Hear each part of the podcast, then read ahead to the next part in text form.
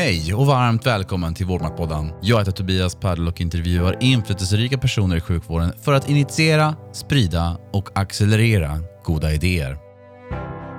I förra samtalet med Stramas ordförande Stefan Stenmark talade vi om antibiotikaresistensutveckling och lösningar på hoten, bland annat genom fler antibiotikaronder, vilket många av er lyssnare återkopplade fina tankar och idéer på. Stort tack! Idag ska vi få lyssna till ytterligare ett viktigt perspektiv genom Ida Collin, arbetsterapeuternas förbundsordförande som är universitetslektor i arbetsterapi vid Linköpings universitet och Sveriges delegat i World Federation of Occupational Therapists. Hon är en flitig debattör både i traditionell och i social media.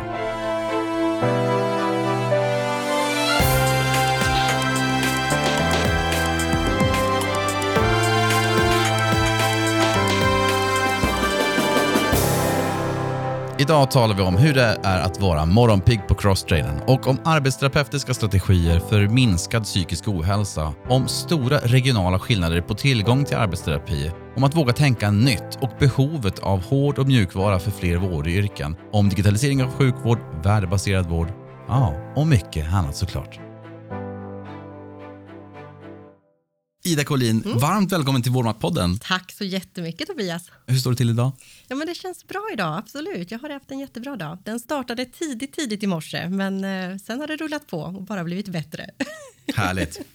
Ja, det är jätteroligt att du är med i Vårdmaktpodden, Ina. Ja, eh, vi har träffats några gånger ja. tidigare och eh, jag tycker ofta att du för fram väldigt kloka åsikter och eh, kan visa på andra perspektiv än vad vi, framförallt läkare och sjuksköterskor, kanske gör. Och det är nyttigt. Ja. Så jätteroligt att du är med här. Ja, men tack för att jag får möjligheten. Hur brukar du beskriva vad arbetsterapi är? Oh, det går att beskriva på en rad olika sätt. Ska jag säga. Det finns egentligen lika många beskrivningar av arbetsterapi som det finns individer som behöver arbetsterapi. För det är lite det som är grundidén, att vi är den här personcentrerade professionen som eh, på olika sätt försöker att bistå människor och få deras vardag att fungera. Det är liksom det som vi kör som lite vårt ledord, det här med att få vardagen att funka. Eh, och det kan ju låta väldigt vardagligt och det är ju väldigt vardagligt, men det är ju så att när man drabbas av olika former av sjukdomar, funktionsnedsättningar, skador, så påverkas ju ofta vår förmåga att utföra våra dagliga aktiviteter och det kan man då behöva stöd i att, att få den här, de här vardagliga aktiviteterna att funka. Och det är det som arbetsterapeuter kan, kan bidra med, med strategier, eh, med hjälpmedel, med anpassningar av olika slag. Eh, och de här vardagliga aktiviteterna, det är ju allting som vi gör i vår, vårt dagliga liv, alltså allt ifrån att, att klara den här den egna personliga vården eh, av oss själva till att sköta vårt hushåll, vårt boende, till att arbeta och till att kunna utöva de fritidsaktiviteter som vi vill. Du är också förbundsordförande för Sveriges arbetsterapeuter. Det stämmer. Hur brukar du beskriva din roll som förbundsordförande? Mm, min roll är att företräda de 10 000 medlemmar som vi har eh, och som jobbar då inom en rad olika områden inom hälso och sjukvården, inom eh, eh funktionshinderrelaterade verksamheter, stöd och service till personer med funktionsnedsättning, inom äldreomsorg naturligtvis, inom arbetsförmedling eller andra statliga eh, myndigheter. Men det som binder oss samman är ju just att vi har en, en examen i arbetsterapi och har det här fokuset på att, att på olika sätt genom individanpassade eller gruppaktiviteter eller samhällsnivåsaktiviteter liksom få människors vardag att funka. Så det är en treårig högskoleutbildning. Mm, precis det. Och sen så finns det flera arbetsområden. Mm. Ja, men det kan ju vara inom, inom sjukhusvård naturligtvis, så finns det ju många arbetsterapeuter, men, men ännu fler finns ju inom den kommunala eh, hälso och sjukvården är relaterat till äldre eller funktions, personer med funktionsnedsättning. Man finns även i habiliteringscenter, eh, man finns på Arbetsförmedlingen, finns några inom Försäkringskassan, man finns på universitet och högskolor naturligtvis. Vi är ju en, en, en akademisk profession, så vi bedriver ju forskning inom vårt område också. Och någonting som eh, slog mig här när vi diskuterade tidigare, men det är att arbetsterapeuterna mm. Eh, följer ofta patienten under en längre tid. Mm, mm. Mellan liksom kanske sjukvårdsinsatser, kommunala mm. insatser och finns med som både stöd och som, som coach i vissa avseenden också. Eh, Absolut. Mm. Och det gör att man får insyn också i verksamheten på ett lite annorlunda sätt än Ja, ja, och man ser ju kanske de här glappen som idag finns mellan eh, framförallt landstingsdriven och kommunalt driven hälso och sjukvård. Det var intressant, för Där, vi kommer att prata om ja, det en hel del idag. ja, men det, för det är ett väldigt intressant område. Mm. Ehm, jag råkar veta att du lyssnar eh, lite grann på podden, Vårdmatpodden. Ja, ja. Får jag fråga vilka samtal som du har lyssnat på som du tyckte var extra bra? Oh, det har varit jättemånga bra samtal tycker jag. Jag tycker det är lite kännetecknande för just din podd. Eh, men, tack så mycket. ja, tack, tack. Men, men eh, jag måste ändå säga två Göran-samtal tror jag faktiskt har, har liksom är viktiga som jag har tagit med mig, tagit inspiration av. Och det, jag tänker först ett av dina, dina tidiga poddar som var med Göran Stiernstedt. Jag tycker det är en mycket klok man och den utredningen och slutbetänkandet Effektiv vård tycker jag är ett väldigt viktigt, eh, viktig skrivelse där jag hoppas att man kommer kunna gå vidare med många av de förslag som låg. Vi är ju på gång nu med, med en primärvårdsreform som är lite, lite inspirerad naturligtvis av, av Görans eh, arbete och eh, det finns andra delar där också som man skulle behöva gå vidare mer med känner jag. Så det är dels en, en sån inspira, inspiratör för mig. Eh, sen så lyssnade jag här innan sommaren precis på ditt samtal med en annan Göran, Göran Hägglund. Mycket roligt samtal skulle jag vilja säga. Och sen tycker jag att det är inspirerande att höra någon som har lämnat politiken på det sättet som Göran har gjort. För det blir ett annat perspektiv att ha varit socialminister och sen få höra honom prata om det med perspektivet att man inte längre är politiker är jättespännande. Man får fram andra saker än när, när du intervjuar någon som är aktiv i politiken just nu. Så vad, vad är ditt första minne av sjukvård? Mitt första minne av sjukvård? Var du någonsin sjuk som barn? ja, det var jag nog. Och jag opererade bort blindtarmen vet jag, när jag, sista veckan när jag slutade nian. Det var ingen trevlig upplevelse. Mm.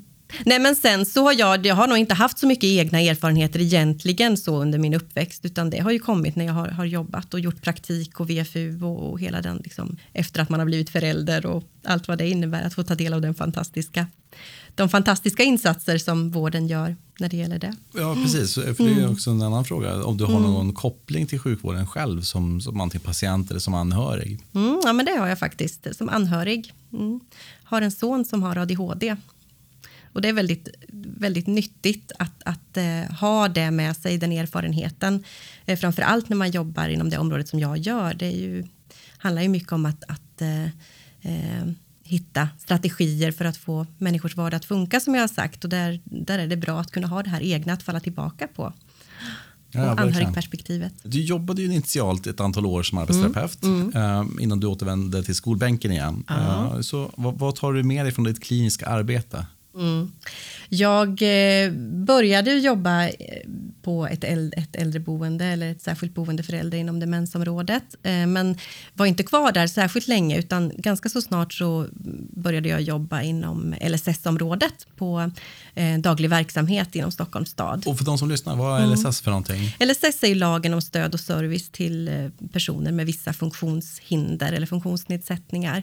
Och det jag jobbade då var, var en daglig verksamhet för de som tillhör personkrets 1 inom LSS. Det är personer som har en intellektuell funktionsnedsättning eller autism, autismspektrumtillstånd.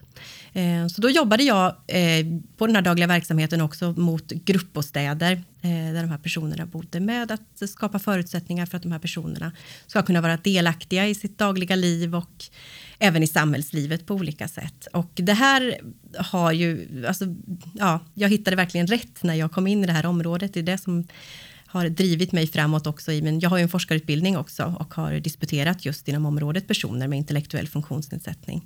Eh, så att det, ja, det är en jätteviktig, inspirerande målgrupp för mig. Verkligen. Som ligger väldigt varmt om hjärtat. Mm, så vad har din forskning kunnat påvisa? Att vi behöver lyfta upp frågan om att åldras med intellektuell funktionsnedsättning på ett mycket tydligare sätt. Eh, jag har, har studerat just hur det är att, att hur, hur det ser ut med delaktigheten eh, när man är äldre och bor på gruppbostad och, och eh, har en utvecklingsstörning eller intellektuell funktionsnedsättning. Så jag har intervjuat de här personerna själva. Jag har intervjuat deras personal och eh, tittat på hur man resonerar kring det här med åldrandet och sett att vi tyvärr inte uppmärksammar i samhället det här att det är en, en grupp som faktiskt åldras precis som vi andra och att vi har väldigt lite eh, riktlinjer, nationella riktlinjer och stöd kring hur man ska bedriva verksamhet eh, för att på bästa sätt möjliggöra delaktighet för den här gruppen. Mm. Det här med LSS är något som mm. är väldigt intressant. Mm. mm. Eh, om man tittar på eh, de som har LSS i Sverige, alltså jag, vill, jag vill minnas att det är någonstans mellan mm. 1 och 2 procent. Mm, ja, men det kan stämma. Ja. Mm. Om man tittar på kriterierna för att upp, mm. få LSS mm. Eh, och tittar på hur en normalbefolkning skulle falla ut mm. i en sån bedömning mm. så är det avsevärt fler procent ja, som skulle behöva insatser. Ja, ja. exakt. Och, och, jag tycker det är väldigt intressant om man ser på just de här två då siffrorna. Mm, mm. Det som teoretiskt borde vara, mm, eh, mm. har rätt till LSS, mm. de som har LSS. Glappet är ju något mm. vittne om hur vi missar saker eller har, eller har inte fångat upp. Nej, men jag tror kanske att de personerna kanske får stöd inom andra verksamheter också. Men, men naturligtvis så missar vi personer som inte eh, ja, men som ligger i det här gränslandet och det är ju personer som, som ändå kanske fungerar ganska så väl i samhället. Verkligen. Men, eh, men behöver stödinsatser. Men behöver stödinsatser, ja. För en individ mm. Eh, så är det otroligt viktigt att man får LSS. Mm. Vet, det är som mm. det är noll eller ett mm. nästan. Alltså ja. att, eh, antingen så har du LSS och får jättemycket stöd ja. eller så har du inte det. Men det finns också personer som inte vill Nej. ha det och, som, och det måste vi också alltså, respektera i ett samhälle. att, att man ska kunna göra det valet. Givet att det är ett glapp här mm, och det är klart mm. som du säger att det finns någon som kanske inte vill ha det och det är väl mm. helt rimligt att man inte ska behöva det då. Mm. Men det finns ju ingen proaktiv insats någonstans riktigt för att hitta de här, eller gör det mm. idag? Nej, men kanske inte hitta de personerna senare i livet, men idag så finns det en helt annan uppbackning från när de här, det är ju, det, jag menar, det här är ofta ju personer, just när vi pratar personkrets 1 så är det ju medfödda funktionsnedsättningar ja, som man har med sig tidigt och där är vi ju eh, duktiga idag på att ge stöd till föräldrar redan från början. Så ser det ju inte ut, men jag tänker den gruppen som jag har haft i min forskning som, som då är äldre eh, födda före, före utvecklandet av den moderna funktionshinderomsorgen. Eh, de har ju inte haft det stödet från början och kanske kommit in då eh, senare i livet och fått en ökad möjlighet till delaktighet och integrering och stöd om man är född med eh, problem som gör att man eh, hamnar i personkrets 1 mm. Eh, så är det ju en kategori. Men mm. det finns ju många som inte tillhör den. Ja, precis, som har för, förvärvade skador. Precis. Och då är det ju inte samma typer av insatser man har rätt till heller, utan Nej. det skiljer ju vilka insatser man har rätt till. Exakt. Ja. Men, men, jag tänker för den kategorin mm. så finns det många som inte har Absolut. rätt. Eller har inte ja, har kommit in. Inte har kommit in, nej. Och här har vi också, tänker jag, det är, LSS har ju också en ålderistisk ja, eh, del i sig, det vill säga att den skada eller funktionsnedsättning som man ska ha för att få insatser ska ha uppkommit då innan man fyller 65 år. Eh, det är ju som sagt, ja, och det... Varför är det så? Eh, nej men det, det, jag tror att det har en helt naturlig förklaring att, att när, man, eh, när LSS instiftades så handlade det om att verkligen skapa förutsättningar för att personer med olika funktionsnedsättningar skulle kunna leva ett självständigt liv. Och då blev det väldigt mycket att liksom skilja de här insatserna. Det är särskilda insatser som man behöver i det här livet som liksom ska särskiljas från vanliga socialtjänsten. Och jag menar, det handlar ju också om att eh, i socialtjänstlagen så pratar vi om, om eh, skäliga levnadsvillkor och i LSS pratar vi om goda levnadsvillkor och bara där har vi ju liksom en, en skilje, ja, det skiljer sig åt. Mm. Kan du bara illustrera, vad är det för skillnad i praktiken? I praktiken så tror jag kanske att det finns en något högre möjlighet. Ja, och en, en, eh, högre möjlighet att, att skapa förutsättningar för delaktighet, alltså i förhållande till personaltäthet, hur många som bor tillsammans i en gruppbostad exempelvis. En resursfråga egentligen kanske? Bara att... Ja, ja, och det här är ju, jag menar, det här är ju en jättehet politisk diskussion just nu. Varför då? Eh, för att det här är en, en, en ambitiös lagstiftning eh, som vi är jättestolta över i Sverige, men, men den kostar också mycket pengar. Så är det. Och jag tycker den ska få kosta pengar. Det här är en, en otroligt viktig del i vårt välfärd, utvecklandet av vårt välfärdssamhälle. Att vi ger det här stödet. Men tyvärr så kanske det är så att just nu håller vi på att nedmonterar den, den delen av vår välfärd. Det blir svårare och svårare. Allt fler får ja, får problem med att få den assistans de behöver exempelvis. Mm. Mm. Trots att de då bedöms av exempelvis arbetsterapeuter att de har behov av det. Så får man inte det stöd man behöver. Eh, jag bodde ett tag i Ryssland eh, tidigare i mitt liv och mm. där är, fortfarande institutionaliserar man ganska många. Ja, eh, ja. Som vi gjorde i Sverige på, för nästan hundra år sedan. Nej, men alltså, ja. Och sen så fram till 60-talet och sen så skedde det saker. Mm, men, men, mm. men, så den här frågan blir väldigt tydlig när man är utomlands och ser hur man tänker och jobbar med de här frågorna. Absolut, absolut. Jag har själv eh, varit över och eh, varit en del i uppbyggandet av arbetsterapeututbildningen i Estland. Mm. Eh, och där var det också väldigt tydligt när vi var ute med studenterna och gjorde VFU att där hade man inte heller riktigt kommit så långt i utvecklandet. Jag var bland annat på ett barnhem där mm. Mm, det var en, en, väldigt intressant upplevelse. Eh, för trots att det var en, som sagt en, en, större institution och att barnen både bodde och, och hade liksom sin, sin skola i, i samma hus och så, liksom det traditionella institutionstänkandet som vi hade tidigare i Sverige också, så, så fanns det ju en, en, en en värme och en, en, vilja hos de professioner som fanns där och ett, liksom ett intresse då för hur kan vi använda arbetsterapi för att utveckla oss och vad har ni, hur jobbar ni kring de här frågorna i Sverige och man såg liksom eh, en vilja. Nu har du varit förbundsordförande i två år mm. drygt. Ja, uh, jag har passerat halvtid på min första fullmäktigeperiod här. Ja, just det. Kommer du ställa upp för nyval? Ja, om jag får frågan så kommer jag nog säga ja till det. Ja, jag ja. har fantastiskt roligt på jobbet. Du är sugen på att fortsätta? ja. Ja, ja. Här kandiderar vi direkt. Ja, precis. bra om valberedningen lyssnar. ja, det bra. Har du några motgångar hittills som du har lärt dig någonting på? Jag möter säkert motgångar varje dag på ett eller annat sätt, men jag försöker nog kanske se dem som utmaningar snarare än motgångar och försöker att, att lära mig av det. Alltså det, är ju, eh, det är ju en väldigt, väldigt speciell roll som man har som förbundsordförande. Det är det ju. Man, man eh, företräder ju en, en profession eh, och man ska företräda den professionen på en gruppnivå. Och det är utmanande att, att Eh, kanske särskilt eftersom arbetsterapeuter finns inom, inom så många olika områden och man gärna vill företräda allt och alla. Liksom. Men, men, man måste ju göra prioriteringar och välja det som kanske är, är eh, ja, men dels det som är på tapeten i samhällsdebatten och hänga på den och visa liksom vilken skillnad man kan göra, men, men också göra prioriteringar. Se, nu satsar vi på det här, för nu tror vi på den här frågan att vi behöver. Nej, men det kan ju vara eh, medlemmar som, som hör av sig och gärna vill att man ska driva just den frågan som är, och, så, och det vill man ju gärna, men, men, men man, kan inte, man kan inte lyfta upp alla frågor, utan man måste då försöka hitta den här gruppnivån så att det blir så relevant som möjligt. Så vilka framgångar ser du att du har haft som förbundsordförande? Eh, när jag tillträdde då, som sagt för två år sedan, så antog vi också en ny vision och en ny, ett nytt strategidokument. Och, och eh, de här eh, innebar att vi också medvetet bestämde oss för att vara mer synliga, att ta kommandot, att eh, eh, interagera på ett annat sätt. Det tycker jag har gett god utdelning. Alltså vi, vi, är, vi är synligare i media nu än vad vi har varit tidigare, synligare i den offentliga debatten. Men det är också så att, att frågor som är viktiga för oss är på tapeten. Alltså det är många sådana frågor om som psykisk ohälsa, eh, sjukskrivning, återgång till arbete, eh, elevhälsan, alltså frågor som vi känner att vi brinner för och som vi har kompetens om, de är också på agendan i samhället och det liksom har sammanfallit tror jag, på ett bra sätt. Så att det har funnits många tillfällen för oss att, att kommunicera vårt budskap. Men, men jag känner ändå att det, det är liksom en framgång vi har nått, att vara mer synliga. Jag tänker, du är ju väldigt aktiv i sociala medier, inte mm. minst, eh, och duktig på det. Får jag säga. Tack. Eh, och, och, ehm, ehm, så det får man tänka, kan man vara förbundsordförande idag utan att vara väldigt aktiv i sociala medier? Nej, jag har väldigt svårt att se det.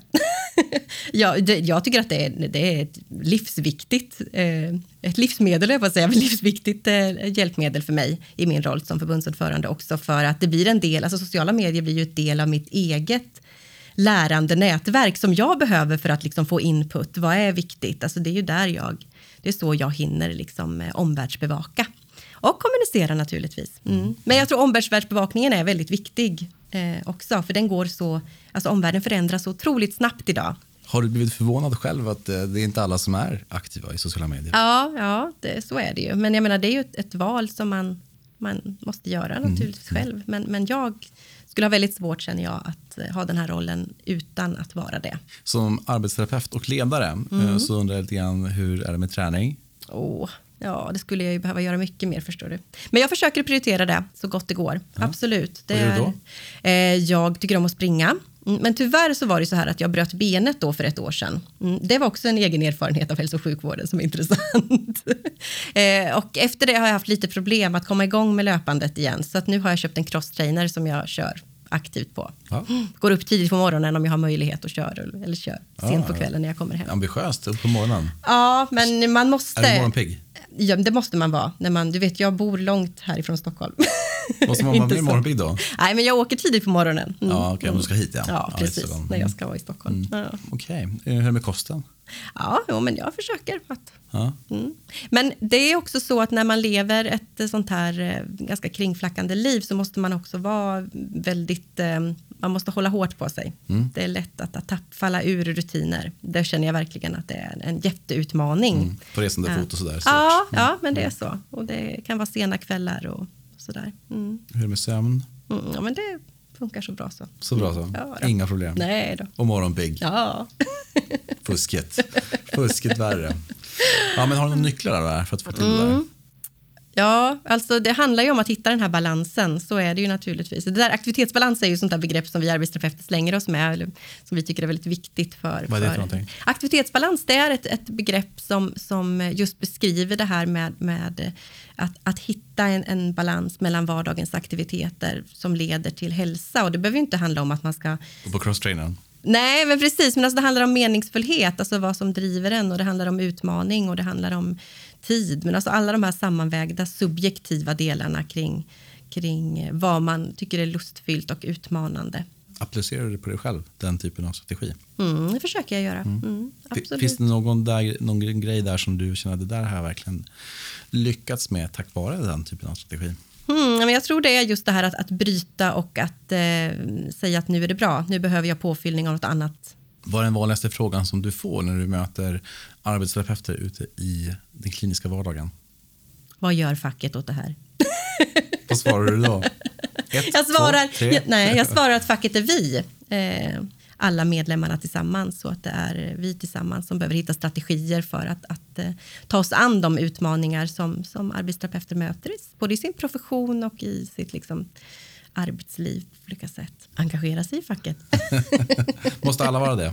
nej, nej, absolut inte. Men jag tänker så här att man ska ändå kunna känna sig att man är en, en, eh, en medskapare. Är man, vi har ju relativt hög anslutningsgrad i vårt förbund. Läste det. 90 procent eller något. Ja, inte riktigt. Ja, men, men vi har hög. Ja, men vi har hög. med många andra är det ganska Ja, högt. jo, men det har vi fortfarande.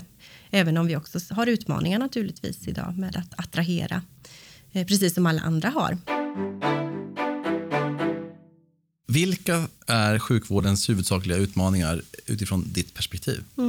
Och då vill jag ändå börja med kompetensförsörjningen, för det känns som att det är det mest akuta som vi behöver diskutera. Och då tänker jag, Hur, hur, hur akut är det?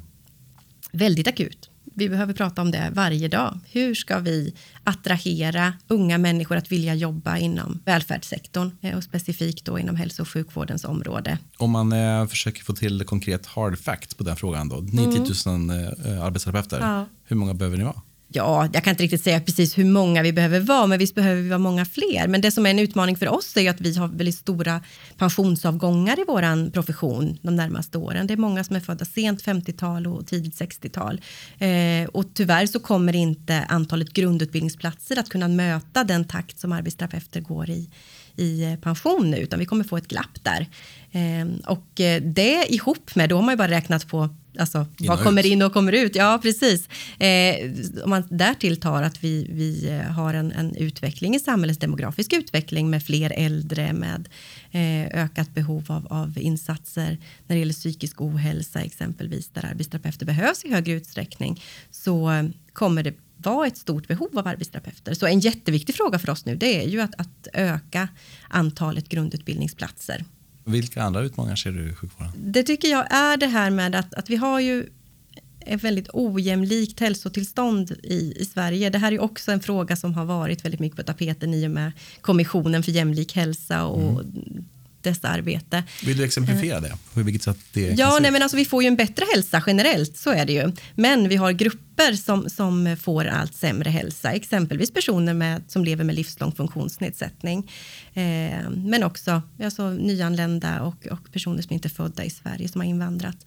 Eh, finns ju också där i gruppen som där vi har liksom de här hälsogapen. Och, och regeringen har ju fattat det här målet att vi ska sluta hälsoklyftorna inom en generation och det är väldigt ambitiöst. Eh, och jag ser att här eh, det är klart att det här är ett samhällsproblem, man måste tänka liksom strukturellt kring det här inom, på ett alltså sektors, sektorsövergripande. Så, så, men, men samtidigt så ser jag att hälso och sjukvården också behöver ta ett stort ansvar och se till att vi blir en hälsofrämjande hälso och sjukvård och att vi är en hälso och sjukvård som är tillgänglig för, för olika grupper i samhället. Vi kan inte ha en hälso och sjukvård som, som utgår ifrån en väldigt fast norm kring hur en patient är, utan vi måste kunna möta personer utifrån deras olika förutsättningar. Och då handlar det ju alltså tillgänglighet när man pratar det, oftast så blir det med fokus på det här att ja, men då ska man kunna komma i kontakt med vården när man vill. Jag tycker det är väldigt fokus på just det här med hur kontaktar man vården. Men det handlar ju om att vården ska vara fysiskt tillgänglig. Det handlar om att den ska vara kognitivt tillgänglig och kommunikativt tillgänglig och också bedrivas där människor har den största nyttan av den och då kanske det ibland är så att du behöver tänka utflyttade verksamheter eller mer uppsökande verksamheter för att erbjuda det här. Jag brukar ta, ett, jag brukar ta exemplet kring för läkare så norr om Sundsvall så är det någonstans 50 primärvårdsläkarvakanser. Mm, mm. Och jag nämnde tidigare också, men urbaniseringen i Sverige debatteras inte så mycket som en driver av ut, utmaningarna. Mm, det vill säga mm. att eh, glesbygd eh, mm. utarmas på mm. resurser till förmån mm. för tätorter. Ja. Um, och jag ser inte min egen generation och än mindre de som är tio år yngre än mig kommer flytta tillbaka till de små bygderna. Jag, jag skulle önska mm. det, mm. men jag tror inte det kommer hända. Nej, eh, och vi har ju ett sånt problem också naturligtvis mm. att det är svårrekryterat. Eh, eh, men där så tänker jag, vi, vi har vi har en, en helt eh, webbaserad grundutbildning i Luleå exempelvis och där har vi ju sett att många personer som är etablerade, man läser lite senare i livet och är etablerad och bor kanske på ett ställe som är långt ifrån ett lärosäte eh, och att man då kan välja att läsa och så stanna kvar mm. där man bor. Mm. Eh, så vi har ändå sett goda exempel på, jag tror att man också måste tänka där, alltså hur bygger vi upp utbildning så att man inte flyttar iväg för att läsa och sen inte flyttar tillbaka. Vad är dina tankar om det kommunala och landstingsgränssnittet utifrån mm, mm. ett patientperspektiv och mm. inte minst då arbetsterapeutsperspektiv? Mm, mm. det är ju ett, ett, stort problem idag att vi har de vattentäta skotten mellan den kommunala verksamheten och landstingsdrivna verksamheten, absolut. Hur kan det yttra sig? Eh, det kan ju yttra sig att man, inte, att man inte får den uppföljning man behöver, att man inte får den rehabilitering som man egentligen skulle behöva, exempelvis efter stroke kan vi säga. Eh, att, att det är väldigt bra insatser eh, när man finns inom den landstingsdrivna vården men att de här inte alls erbjuds i samma utsträckning när man kommer till den kommunala hälso och sjukvården. Är det att det är för lång väntetid till dem eller att de inte finns? Eh, att de inte finns och inte jobbar på det sättet. Man kanske jobbar mer med kompenserande insatser, i princip förskrivning av hjälpmedel för det är det som tiden räcker till. Att man inte hinner jobba med, med med kvalificerade rehabiliteringsinsatser. Och det här är också, jag tänker, vi har ju precis genomgått en kommunalisering av hemsjukvården. Det är bara Stockholm kvar som väntar då till 2020. Eh, och det här är ju också viktigt att... att eh, Vad betyder det för den som inte känner till det? Eh, nej men det är ju att, att hemsjukvården eh, eh, har övergått från kommunal landstingsdriven regi till kommunen. Eh, och det, det, är ju det är en jättefin tanke, absolut, att man ska finnas nära personerna och kunna ge stöd nära eh, nära vård så att säga. Eh, det är ju lite om man säger, i linje med vad som Stiernstedt också beskrev när det gäller stöd och insatser till, till äldre, att det gärna ska ske så nära som möjligt.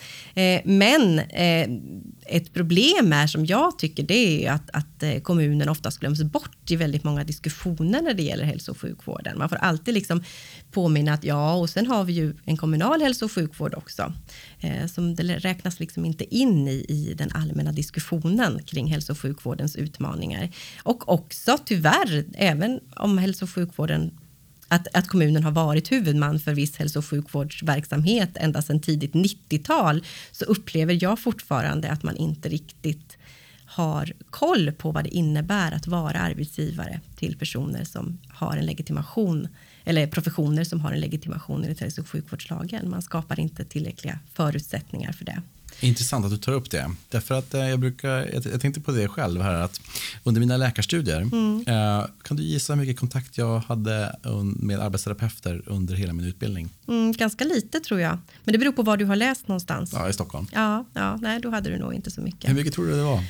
Du kanske hade det på någon, eh, ni har någon sån undervisningsavdelning kanske, där du träffade någon? Precis, så ja. det var någon som var med i de här teamen, så ja, kortvarigt ja, då, när vi, någon vecka som vi var tillsammans. Ja. Um, jobbade inte så mycket jättenära nej, varandra. Nej. Och sen så hälsade vi på arbetsterapeuterna eh, en eftermiddag. Det är de gränsytorna som jag har haft Ja, mot ja. arbetsterapeuter. Och det här är ju ett jätteproblem att det ser ut på det här sättet idag. För att något som jag tror är en av de viktiga vad ska man säga, lösningarna på det här med vårdens utmaningar, det är ju att vi ser till att vi verkligen har en interprofessionell kompetens inom svensk hälso och sjukvård. Och det måste ju till redan under grundutbildningen. Där finns det ju goda exempel vid andra universitet, men det finns ju också då, jag tänker du fanns ändå vid ett lärosäte där det finns en arbetsterapeututbildning.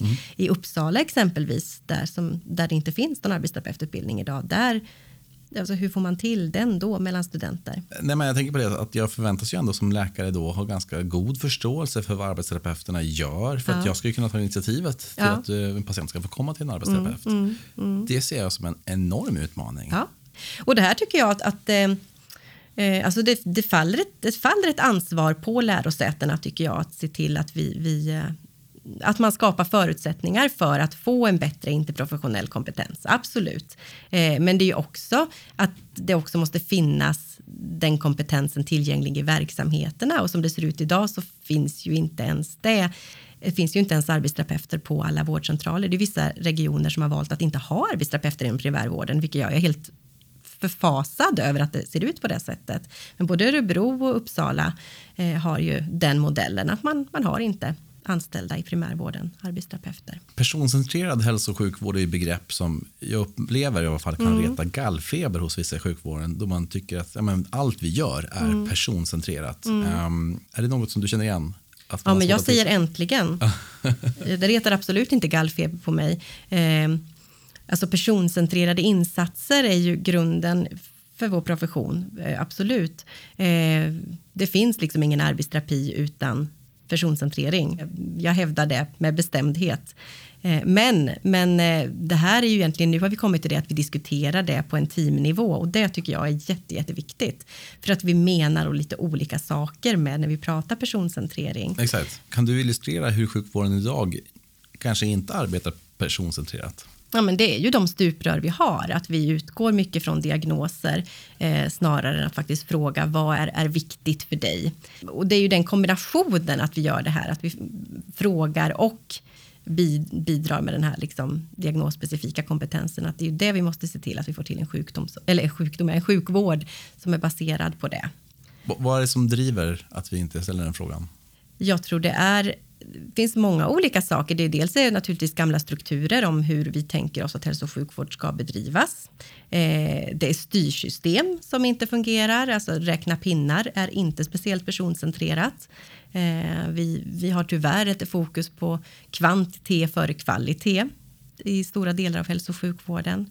Eh, men sen tror jag också att det handlar om att, att vi eh, professioner på allvar måste se att vi måste lämna ifrån oss makten över det här. Det är inte, det är inte vi som är i centrum utan det är faktiskt den person som är i behov av våra insatser. Och det är den som är expert på sin situation eh, och det är den personen som vi liksom finns till för. Det tror jag. Och det, det är ett perspektiv, en perspektivförändring, det är ett förhållningssätt. Det här är någonting som handlar om liksom vad vi, hur, hur vi tänker kring etiska frågeställningar, hur vi tänker kring, eh, kring människor. Och det behöver vi, jag tror vi behöver prata jättemycket om det i vården. Hur vi ska få till det här. Det här är ingenting som vi bara kan sno ihop på en eftermiddag. Nu jobbar vi personcentrerat, utan det är ett långsiktigt arbete. Absolut. Vem är, vem är det som um, har ansvaret för det? Jag tycker det är ett gemensamt ansvar som vi som professioner har, men naturligtvis är det ett ledningsansvar. Alltså det måste ju finnas, det måste ju komma direktiv också uppifrån att så här ska vi göra och sen måste vi som professioner vara beredda att möta det. Det ska inte vara beroende på vilken kommun man bor i om man ska garanteras en patient och kvalitetssäker rehabilitering. Men vill du beskriva på vilket sätt det kan skilja sig idag och vad det får för konsekvenser? En viktig fråga som vi driver tillsammans med fysioterapeuterna det är ju att vi vill se en, en MAR i varje kommun. Och MAR det är alltså det medicinskt ansvarig för rehabilitering. Idag så är det ju lagstadgat att alla kommuner ska ha en MAS en medicinskt ansvarig sjuksköterska som ansvarar för patientsäkerhetsfrågor, kvalitetsuppföljning, eh, ja, men, riktlinjer och, och styrning av kvalitetsarbetet, det kommunala hälso och sjukvårds... Det är inte i landstinget utan i Nej, nu pratar vi kommunen, precis. Det vi ser är, eh, och som också ett 60-tal kommuner i, i landet också ser, det är att, att eh, man behöver vidga det här med, med eh, ansvar, kvalitetsansvaret och patientsäkerhetstanken också så att det innefattar ett tydligt rehabiliteringsfokus. Och då behövs de här medicinskt ansvariga för rehabilitering. Men det är som sagt, det är tyvärr idag bara 60 kommuner som har det. Vad får det för konsekvenser om man inte har det? Det kan ju handla om att det inte då har tydliga riktlinjer kring, kring rehabiliteringsarbetet. Att det saknas kvalitetssäkringsprocedurer gällande rehabiliteringen, gällande hjälpmedelsområdet, gällande hur man jobbar med fallprevention exempelvis. Det är sånt som, som kan förstärkas genom att man har en medicinskt ansvarig för, för rehabilitering. Också ett ansvar för hur kunskapsbaserar vi eh, rehabiliteringsinsatserna i kommunen. För det är också en sak som är ett, en stor utmaning eh, med, med den kommunala hälso och sjukvården. Det är ju att man inte på samma sätt har tillgång till, till eh, databaser exempelvis att kunna söka och basera sina insatser på den senaste forskningen. För är man anställd i kommunen så är det inte självklart att man har den tillgången som man har vid ett universitetssjukhus exempelvis. Så här kommer arbetsterapeuter ut och är vana vid att söka i databaser och eh, göra evidensbaserade arbetsterapiprogram och så har man inte den, möts man med verkligheten, man inte ens har tillgång till den typen av, av verktyg. Men, eh, finns inte det här gratis idag på nätet? Det är bara att googla? Nej, inte i tillräcklig utsträckning. Det gör det inte. Men det är inga stora kostnader. Det är bara att det finns inte någon tradition i kommunen att, att tänka på sådana här saker. Har du en uppfattning om hur många arbetsterapeuter som har en smartphone i sitt jobb? Ja, nej, jag har inte exakt det, men jag vet ju att tyvärr är det ju så att man inte har tillräcklig utsträckning. Jag vet att arbetsterapeuter idag använder sina egna privata, både paddor och eh, smarta telefoner i sitt arbete på grund av att arbetsgivaren inte tillhandahåller den typen av, av utrustning och det är ju djupt beklagligt. Mm. Ett, en jätteutmaning ihop med då att det inte ens finns eh, utvecklat liksom internet ordentligt eh, på en del eh, arbetsplatser där man jobbar och det är framförallt inom kommunal verksamhet. Man har inte, ja, på äldreboenden exempelvis. Nej, men det är så intressant mm. för när man pratar med andra människor som inte kommer från sjukvården mm. så blir de ju helt frapperade mm. över att mm. det inte är mm. självklart att man Nej. har en smartphone i jobbet. Nej. Mm. Och det här, jag menar, det här blir det här glappet med att vi då ja. har den här e-hälsovisionen och vi pratar så fantastiskt om hur det kommer att revolutionera hälso och sjukvård. Ja, det kommer det, men när vi inte ens har redskapen i form av liksom hårdvara tillgänglig. Nej. Hur ska man då kunna möta det här från verksamhetens sida? Väldigt lite prat om det. Vad ser du då är lösningarna på sjukvårdens viktigaste utmaningar utifrån det här perspektivet? Utöver att det ska bli fler arbetsterapeuter. Ja, eh, det tillförs ju nya pengar. Vi har liksom nu i regeringens höstbudget här så har vi en rekordstor satsning på hälso och sjukvården och det är naturligtvis bra. Men på något sätt så handlar det ju inte bara om att vi ska tillföra pengar för att göra mer av samma sak, utan vi behöver tänka nytt. Vi behöver göra om också, inte bara mer av samma. Eh, och där tror jag att ett ökat fokus på rehabilitering är väldigt viktigt och att rehabiliteringsfrågorna behöver lyftas upp mer i debatten. För, för det hörs inte tillräckligt idag och det lyfts inte fram vilken skillnad som det ger och att det faktiskt handlar om att vi kan inte bara skapa förutsättningar för liv, utan vi måste se till att de här liven kan levas.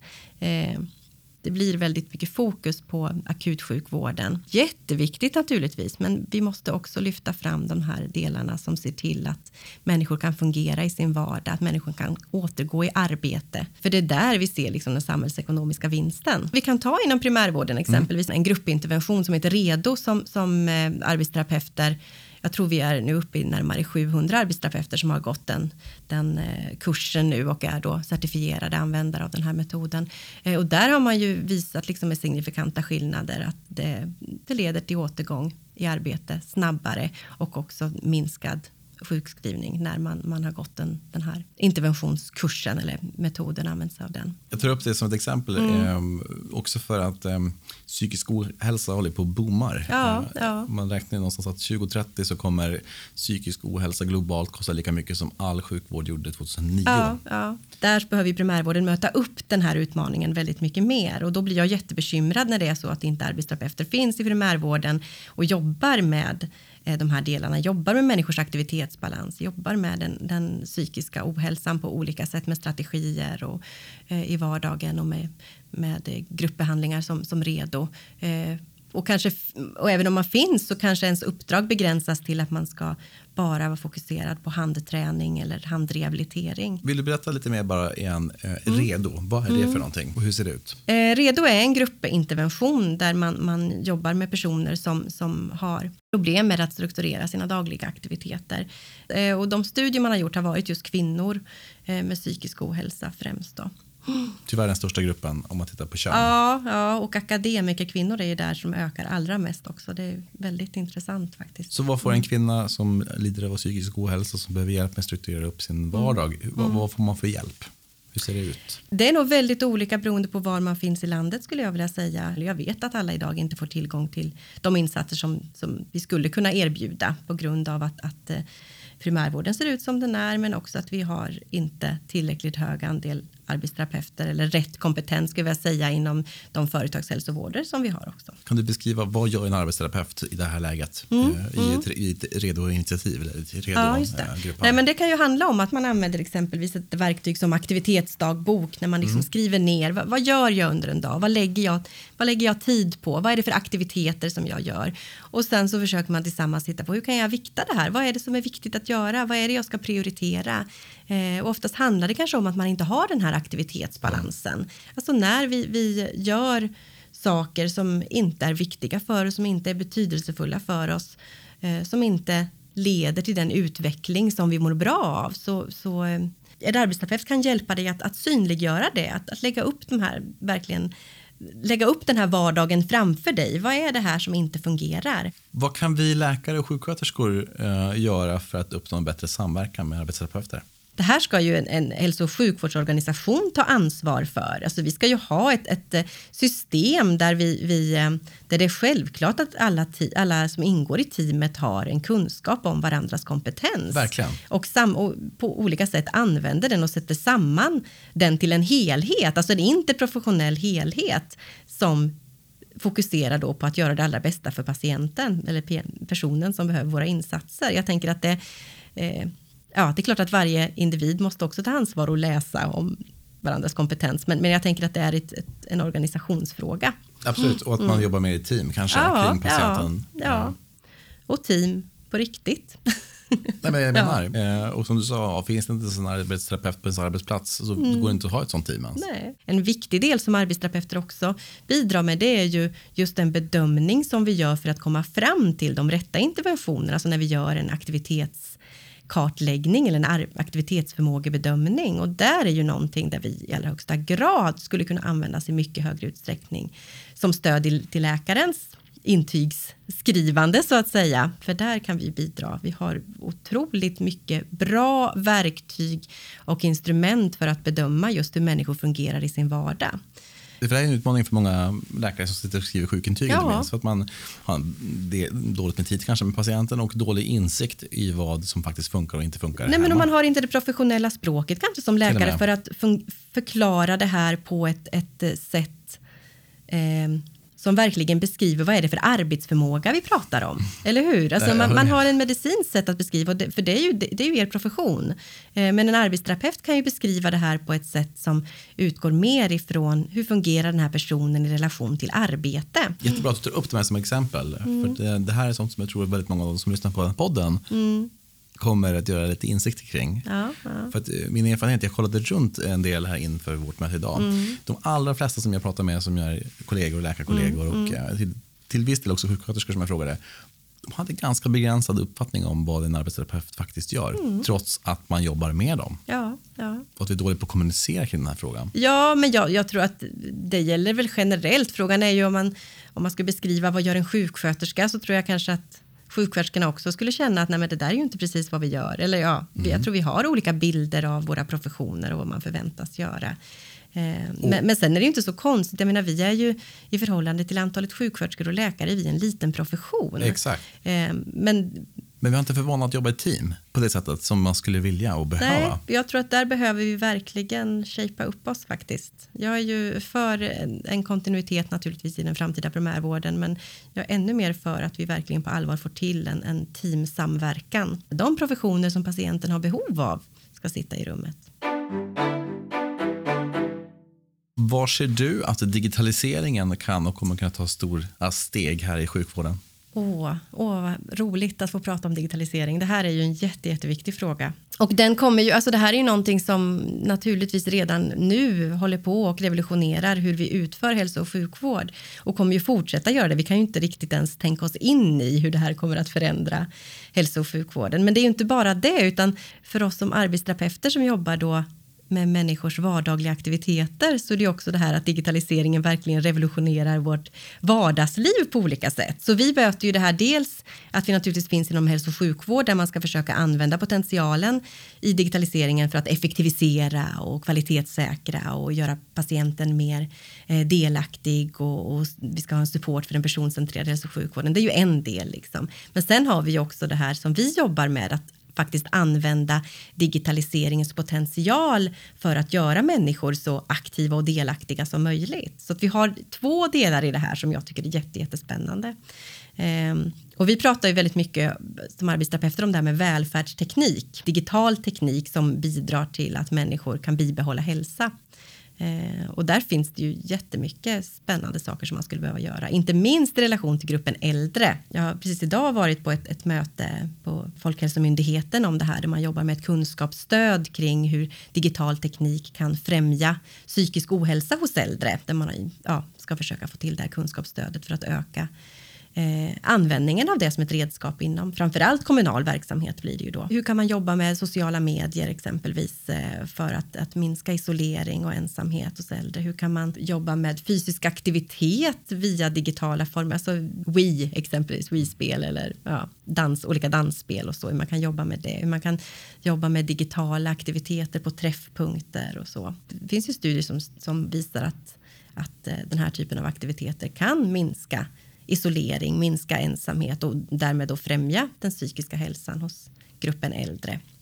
Sen vad jag tycker är, är utmanande i det här och som jag tycker inte diskuteras det är ju hur ser vi till att vårdens medarbetare och professioner får en tillräcklig digital kompetens att kunna faktiskt ta sig an den här utmaningen. Jag pratade om ett, par eh, läkarstudenter som har kommit hälften in på sin utbildning. Mm, mm. Um, och några som har precis gått slutet på sin utbildning. Mm. Noll utbildning. Ja, ja, men precis. Noll utbildning i digitala eh, liksom, eh, nej. Eller, verktyg. Och jag känner verkligen igen det. Och det som vi har gjort som, som förbund nu, för vi, vi vi vill verkligen vara med på det här tåget nu. Vi känner ett jättestort ansvar som professionsföreträdare att, att eh, bistå med att, att arbetsterapeuter ska känna sig förberedda för den här revolutionen som det ändå kommer ske. Men om vi, regeringens mål är ju att vi ska vara världsbäst på det här med, med e-hälsa 2025 är det formulerat va? Eh, och det kommer ju kräva, det är en liten utmaning kan man säga. Eh, så det vi gör som förbund nu det är att vi håller på att, att definiera vad är digital kompetens för arbetsterapeuter.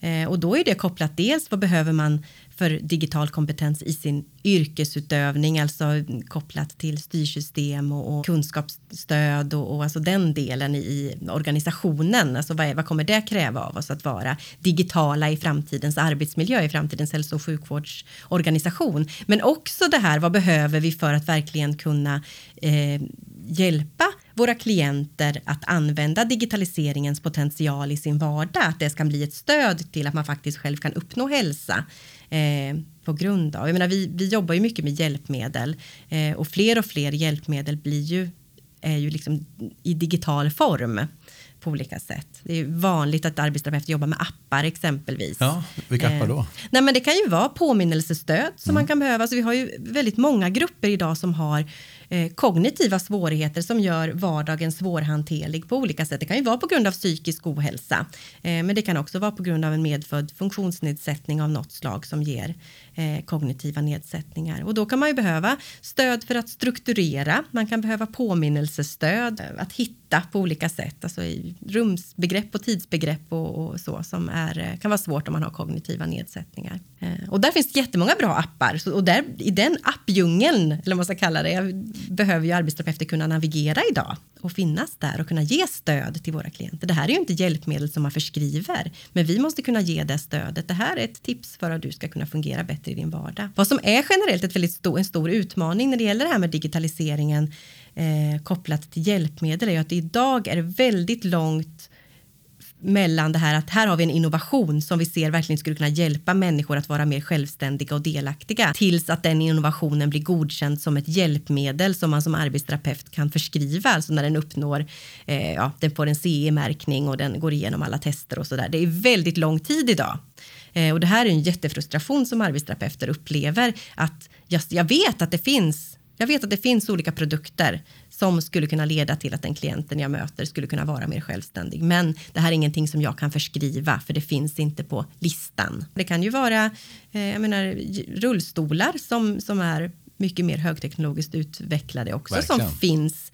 Eh, alltså innovationen den finns där men, men den kan inte eh, en arbetsterapeut kan då inte hjälpa till. Att, nej, nej. nej. Mm. Och det här gör ju också att det finns ett jämlikhetsproblem för det innebär mm. ju att personer som har större ekonomiska resurser kan ju förse sig med den typen av hjälpmedel tidigare då. Man kanske får vara rebell där? Ja, ja, det kanske man måste, men det är ju svårt i en väldigt fyrkantig landstingsvärld att, eller, att vara det. Så vad är dina tankar om att eh, patienter och individer i större utsträckning kan utföra självtester och själv bekosta som du beskriver mm, mm. eller ja, beställa prover själv, mm, mm, göra mycket mer själv? Det tror jag gör att kanske i alla fall som jag ser min profession kanske i högre utsträckning också då måste finnas utanför den traditionella hälso och sjukvården för att kunna ge stöd eh, och jobba med förebyggande insatser också. Vi kan inte bara finnas liksom i den traditionella hälso och sjukvården utan vi måste röra oss mot att kunna ge det där stödet till egenvård. Jag skulle vilja liksom se arbetsterapeuter som jobbar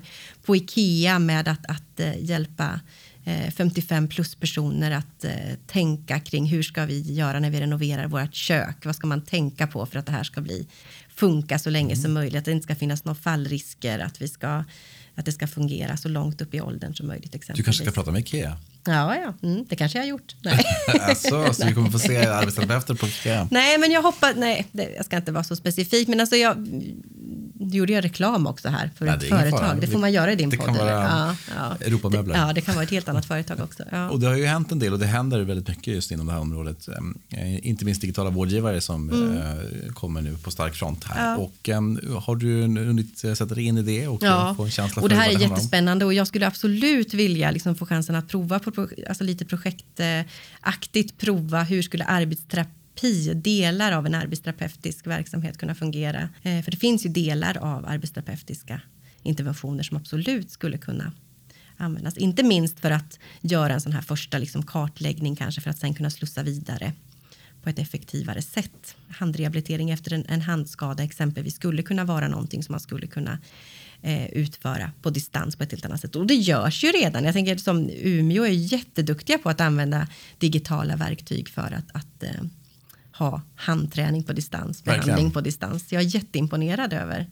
Nej, jag håller med. Västerbottens läns landsting har kommit långt i vissa avseenden. Jag var själv uppe i Storuman och fick ja. bevittna när en, en arbetsterapeut körde ett distansmöte ja, över, ja, över, över lina. Och jag är egentligen fascinerad över att man inte, alltså här i vårt lilla land, att man inte använder sig mer av den typen av insatser överlag. Och vi vet och ser att det här fungerar faktiskt. Det skulle öka tillgängligheten på insatser enormt tror jag. Varför tror du att det inte blir så?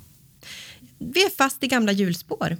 Vi har svårt att tänka utanför boxen. Det är ett problem som vi har inom hälso och sjukvården. Värdebaserad vård är ett strategiskt grepp för mm. att uh, försöka sätta både patientens perspektiv först mm. uh, och det främst och mm. att mäta mer uh, utfall. Ja. och Eh, det vill säga att man analyserar mer hur det går för våra patienter. Jag brukar ta det som ett exempel att det är väldigt sällan som jag har varit med om att man faktiskt återkopplar hur det går för de patienter som man har handlagt. Mm, mm. Hur tänker du kring att man ska börja mäta och styra på utfall för patienterna mer? En jättegod idé. Det, alltså grundtanken med det värdebaserade att det, vi utgår ifrån vad är verkligen värde för, för patienterna. Men, men sen är ju frågan, är vi, är vi överens om vad är värdebegreppet? Mm. Vad är det för dig? Eh, Ja, nej, men jag tänker för mig handlar det om, det finns någon guru inom det här området, nu kommer jag inte ihåg vad han heter, men som sa att det handlar i slutändan handlar det om om man kan knyta sina skosnören eller inte. Eh, och det är ju lite det, ligger väldigt nära arbetsterapin att tänka på det sättet. Alltså vad är värdefullt för den här personen? Vad är det personen vill uppnå? Eh, sen så tror jag att det ibland inte riktigt följer med hela den här vårdkedjan som vi har pratat om tidigare. På något sätt ska det verkligen vara värde så måste det ju följa med hela kedjan ut i livet som ska levas. Men jag, jag, tror verkligen på grundtanken, det gör jag. Har du hört några goda exempel på det? Nej, men jag vet att, att arbetsterapeuterna just nere vid Sahlgrenska tycker att det fungerar väldigt bra. Eh, några avrundningsfrågor. Vad vet du om sjukvården som du tycker att andra borde känna till? Jag vet att vi i hög utsträckning i Sverige varje dag bedriver en väldigt bra hälso och sjukvård. Jag får väldigt många fantastiskt fina berättelser. Men jag vet också att det finns väldigt mycket utmaningar kring det här. Att inte man får förutsättningar som profession att, att göra de insatser som man kan. Att man inte känner att ens kompetens används, att man inte jobbar på liksom toppen av sin kapacitet på grund av att vi har styrsystem exempelvis som, som inte möter upp och som är för kvantitativa istället för att fokusera på kvalitet. Vi har liksom undersökningsrum inom primärvården som inte ens har taklyft, vilket innebär att man sitter man i rullstol så kan du inte bli undersökt liggande. Bara sådana konkreta exempel. På de flesta vårdcentralerna? Ja, det är väl så ja. ja och... Det är många chefer och sjukhusdirektörer för den delen som lyssnar på den här podden. Mm. Vad vill du säga till dem? Ja, använd arbetsterapeutisk kompetens och låt, alltså det är lite kanske ut slitet det här med låt proffsen vara proffs, men lyssna på era professioner. Se till att de får definiera vad skulle de kunna göra för skillnad i verksamheten. Finns det någon sjukvårdsinnovation som du hoppas ska vinna mark? Det finns ju jättemånga häftiga hjälpmedel som man hoppas. Eh, jag vet att vi, det vi hade i vår tidning här förra numret, eh, alltså tidskriften Arbetsterapeuten som är vårt fackförbunds tidskrift så hade vi en, en kille som jobbade på en, en, i en kommun som hade en funktionsnedsättning och han hade en typ av, av stårullstol som han använde. Och det här är ju inte ett hjälpmedel som då är förskrivningsbart. Alltså, som arbetsterapeut kan man inte förskriva det eh, till vem som helst. Så. Men däremot kan en, som det var i det här fallet, en arbetsgivare köpa in det. Så den här killen kunde då använda den här stårullstolen som gjorde att han kom upp liksom i, i en bra arbetsställning och kunde röra sig på ett helt annat sätt. Eh, och, det är lite sånt där, alltså man skulle ju önska att det, alla de här häftiga innovationerna, att de verkligen skulle bli ja, verklighet för, för, eh, för de personerna som behöver dem. Eh, jag såg också för något tag sedan en, eh, var en kille som, jag tror att han hade en, en cancerdiagnos, en pojke, som inte kunde vara närvarande i skolan. Eh, och, eh, men han kunde följa med via en speciell robot som var med då, som fröken lyfte med. Det var en robot som sattes på skolbänken och så kunde han följa med i konversationerna, men han var ju kvar hemma. Vem tycker du ska vara med i Vårdplatspodden? Mm. Jag eh, tycker att du ska prata med Mikaela Javinger hon är kommunikatör och eh, skribent och bloggare. Och så. Hon är, har egen erfarenhet av, av psykisk ohälsa och hon pratar om det på ett väldigt intressant sätt. Och eh, du ska fråga henne om vad är en opersoncentrerad psykiatri, för det kan hon ge väldigt goda exempel på. Hur kan man nå dig om man vill veta mer om vad du tycker och tänker? Och jag finns ju på sociala medier då, alltså Facebook och Twitter, absolut. Eh, jag finns på LinkedIn, men jag, är inte, jag håller på att lära mig att använda potentialen i LinkedIn måste jag säga. Annars är det ju mail. Man ska inte försöka att ringa mig. Jag svarar väldigt sällan på telefon, men man kan mejla och bestämma en tid så hör jag av mig vid den tiden. Då ska man mejla på ida.kalin.arbetsterapeuterna.se. Och du finns på Instagram? Ja, det gör jag. Ja, jag finns på Instagram. Snapchat? Ja, det gör jag, men det är ju mer för barnens skull, skulle jag vilja säga. Du använder inte det som förbundsordförande? Nej, jag gör inte det. Man kanske skulle göra det. Ja, absolut. Är det något som du hade önskat eller tänkt att samtala om idag som vi inte har berört? Nej, men jag kanske skulle vilja tillägga när det gäller det här med, med digitaliseringen. Alltså, digitalisering har en otrolig potential, men vi har också personer som inte idag kan tillgodogöra sig det. Jag tänker då på de 400 000 äldre personer idag som faktiskt inte har tillgång till alltså digital media på olika sätt eller digitala verktyg. Eh, och jag tror att det här är någonting som vi behöver faktiskt. Vi kan inte se det här som att det är ett, ett problem just nu. När jag blir 75, 80, 85 år och man får leva så länge så, så kommer det ju vara, finnas jättemycket digitala utmaningar för mig så det kommer alltid finnas det här risken för ett digitalt utanförskap. Jag tror alltid det kommer finnas en grupp. Stort tack för att du varit med i Vårdmaktpodden, Ida Collén. Tack så mycket.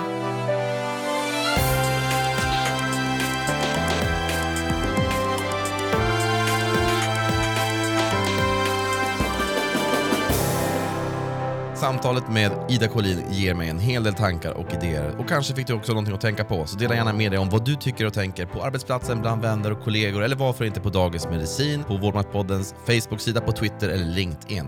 I nästa avsnitt så talar jag med Anders Lönnberg, en av Sveriges mäktigaste sjukvårdspersoner och jag hoppas att du vill lyssna på oss. För det börjar med ett samtal, sen är det upp till dig och mig.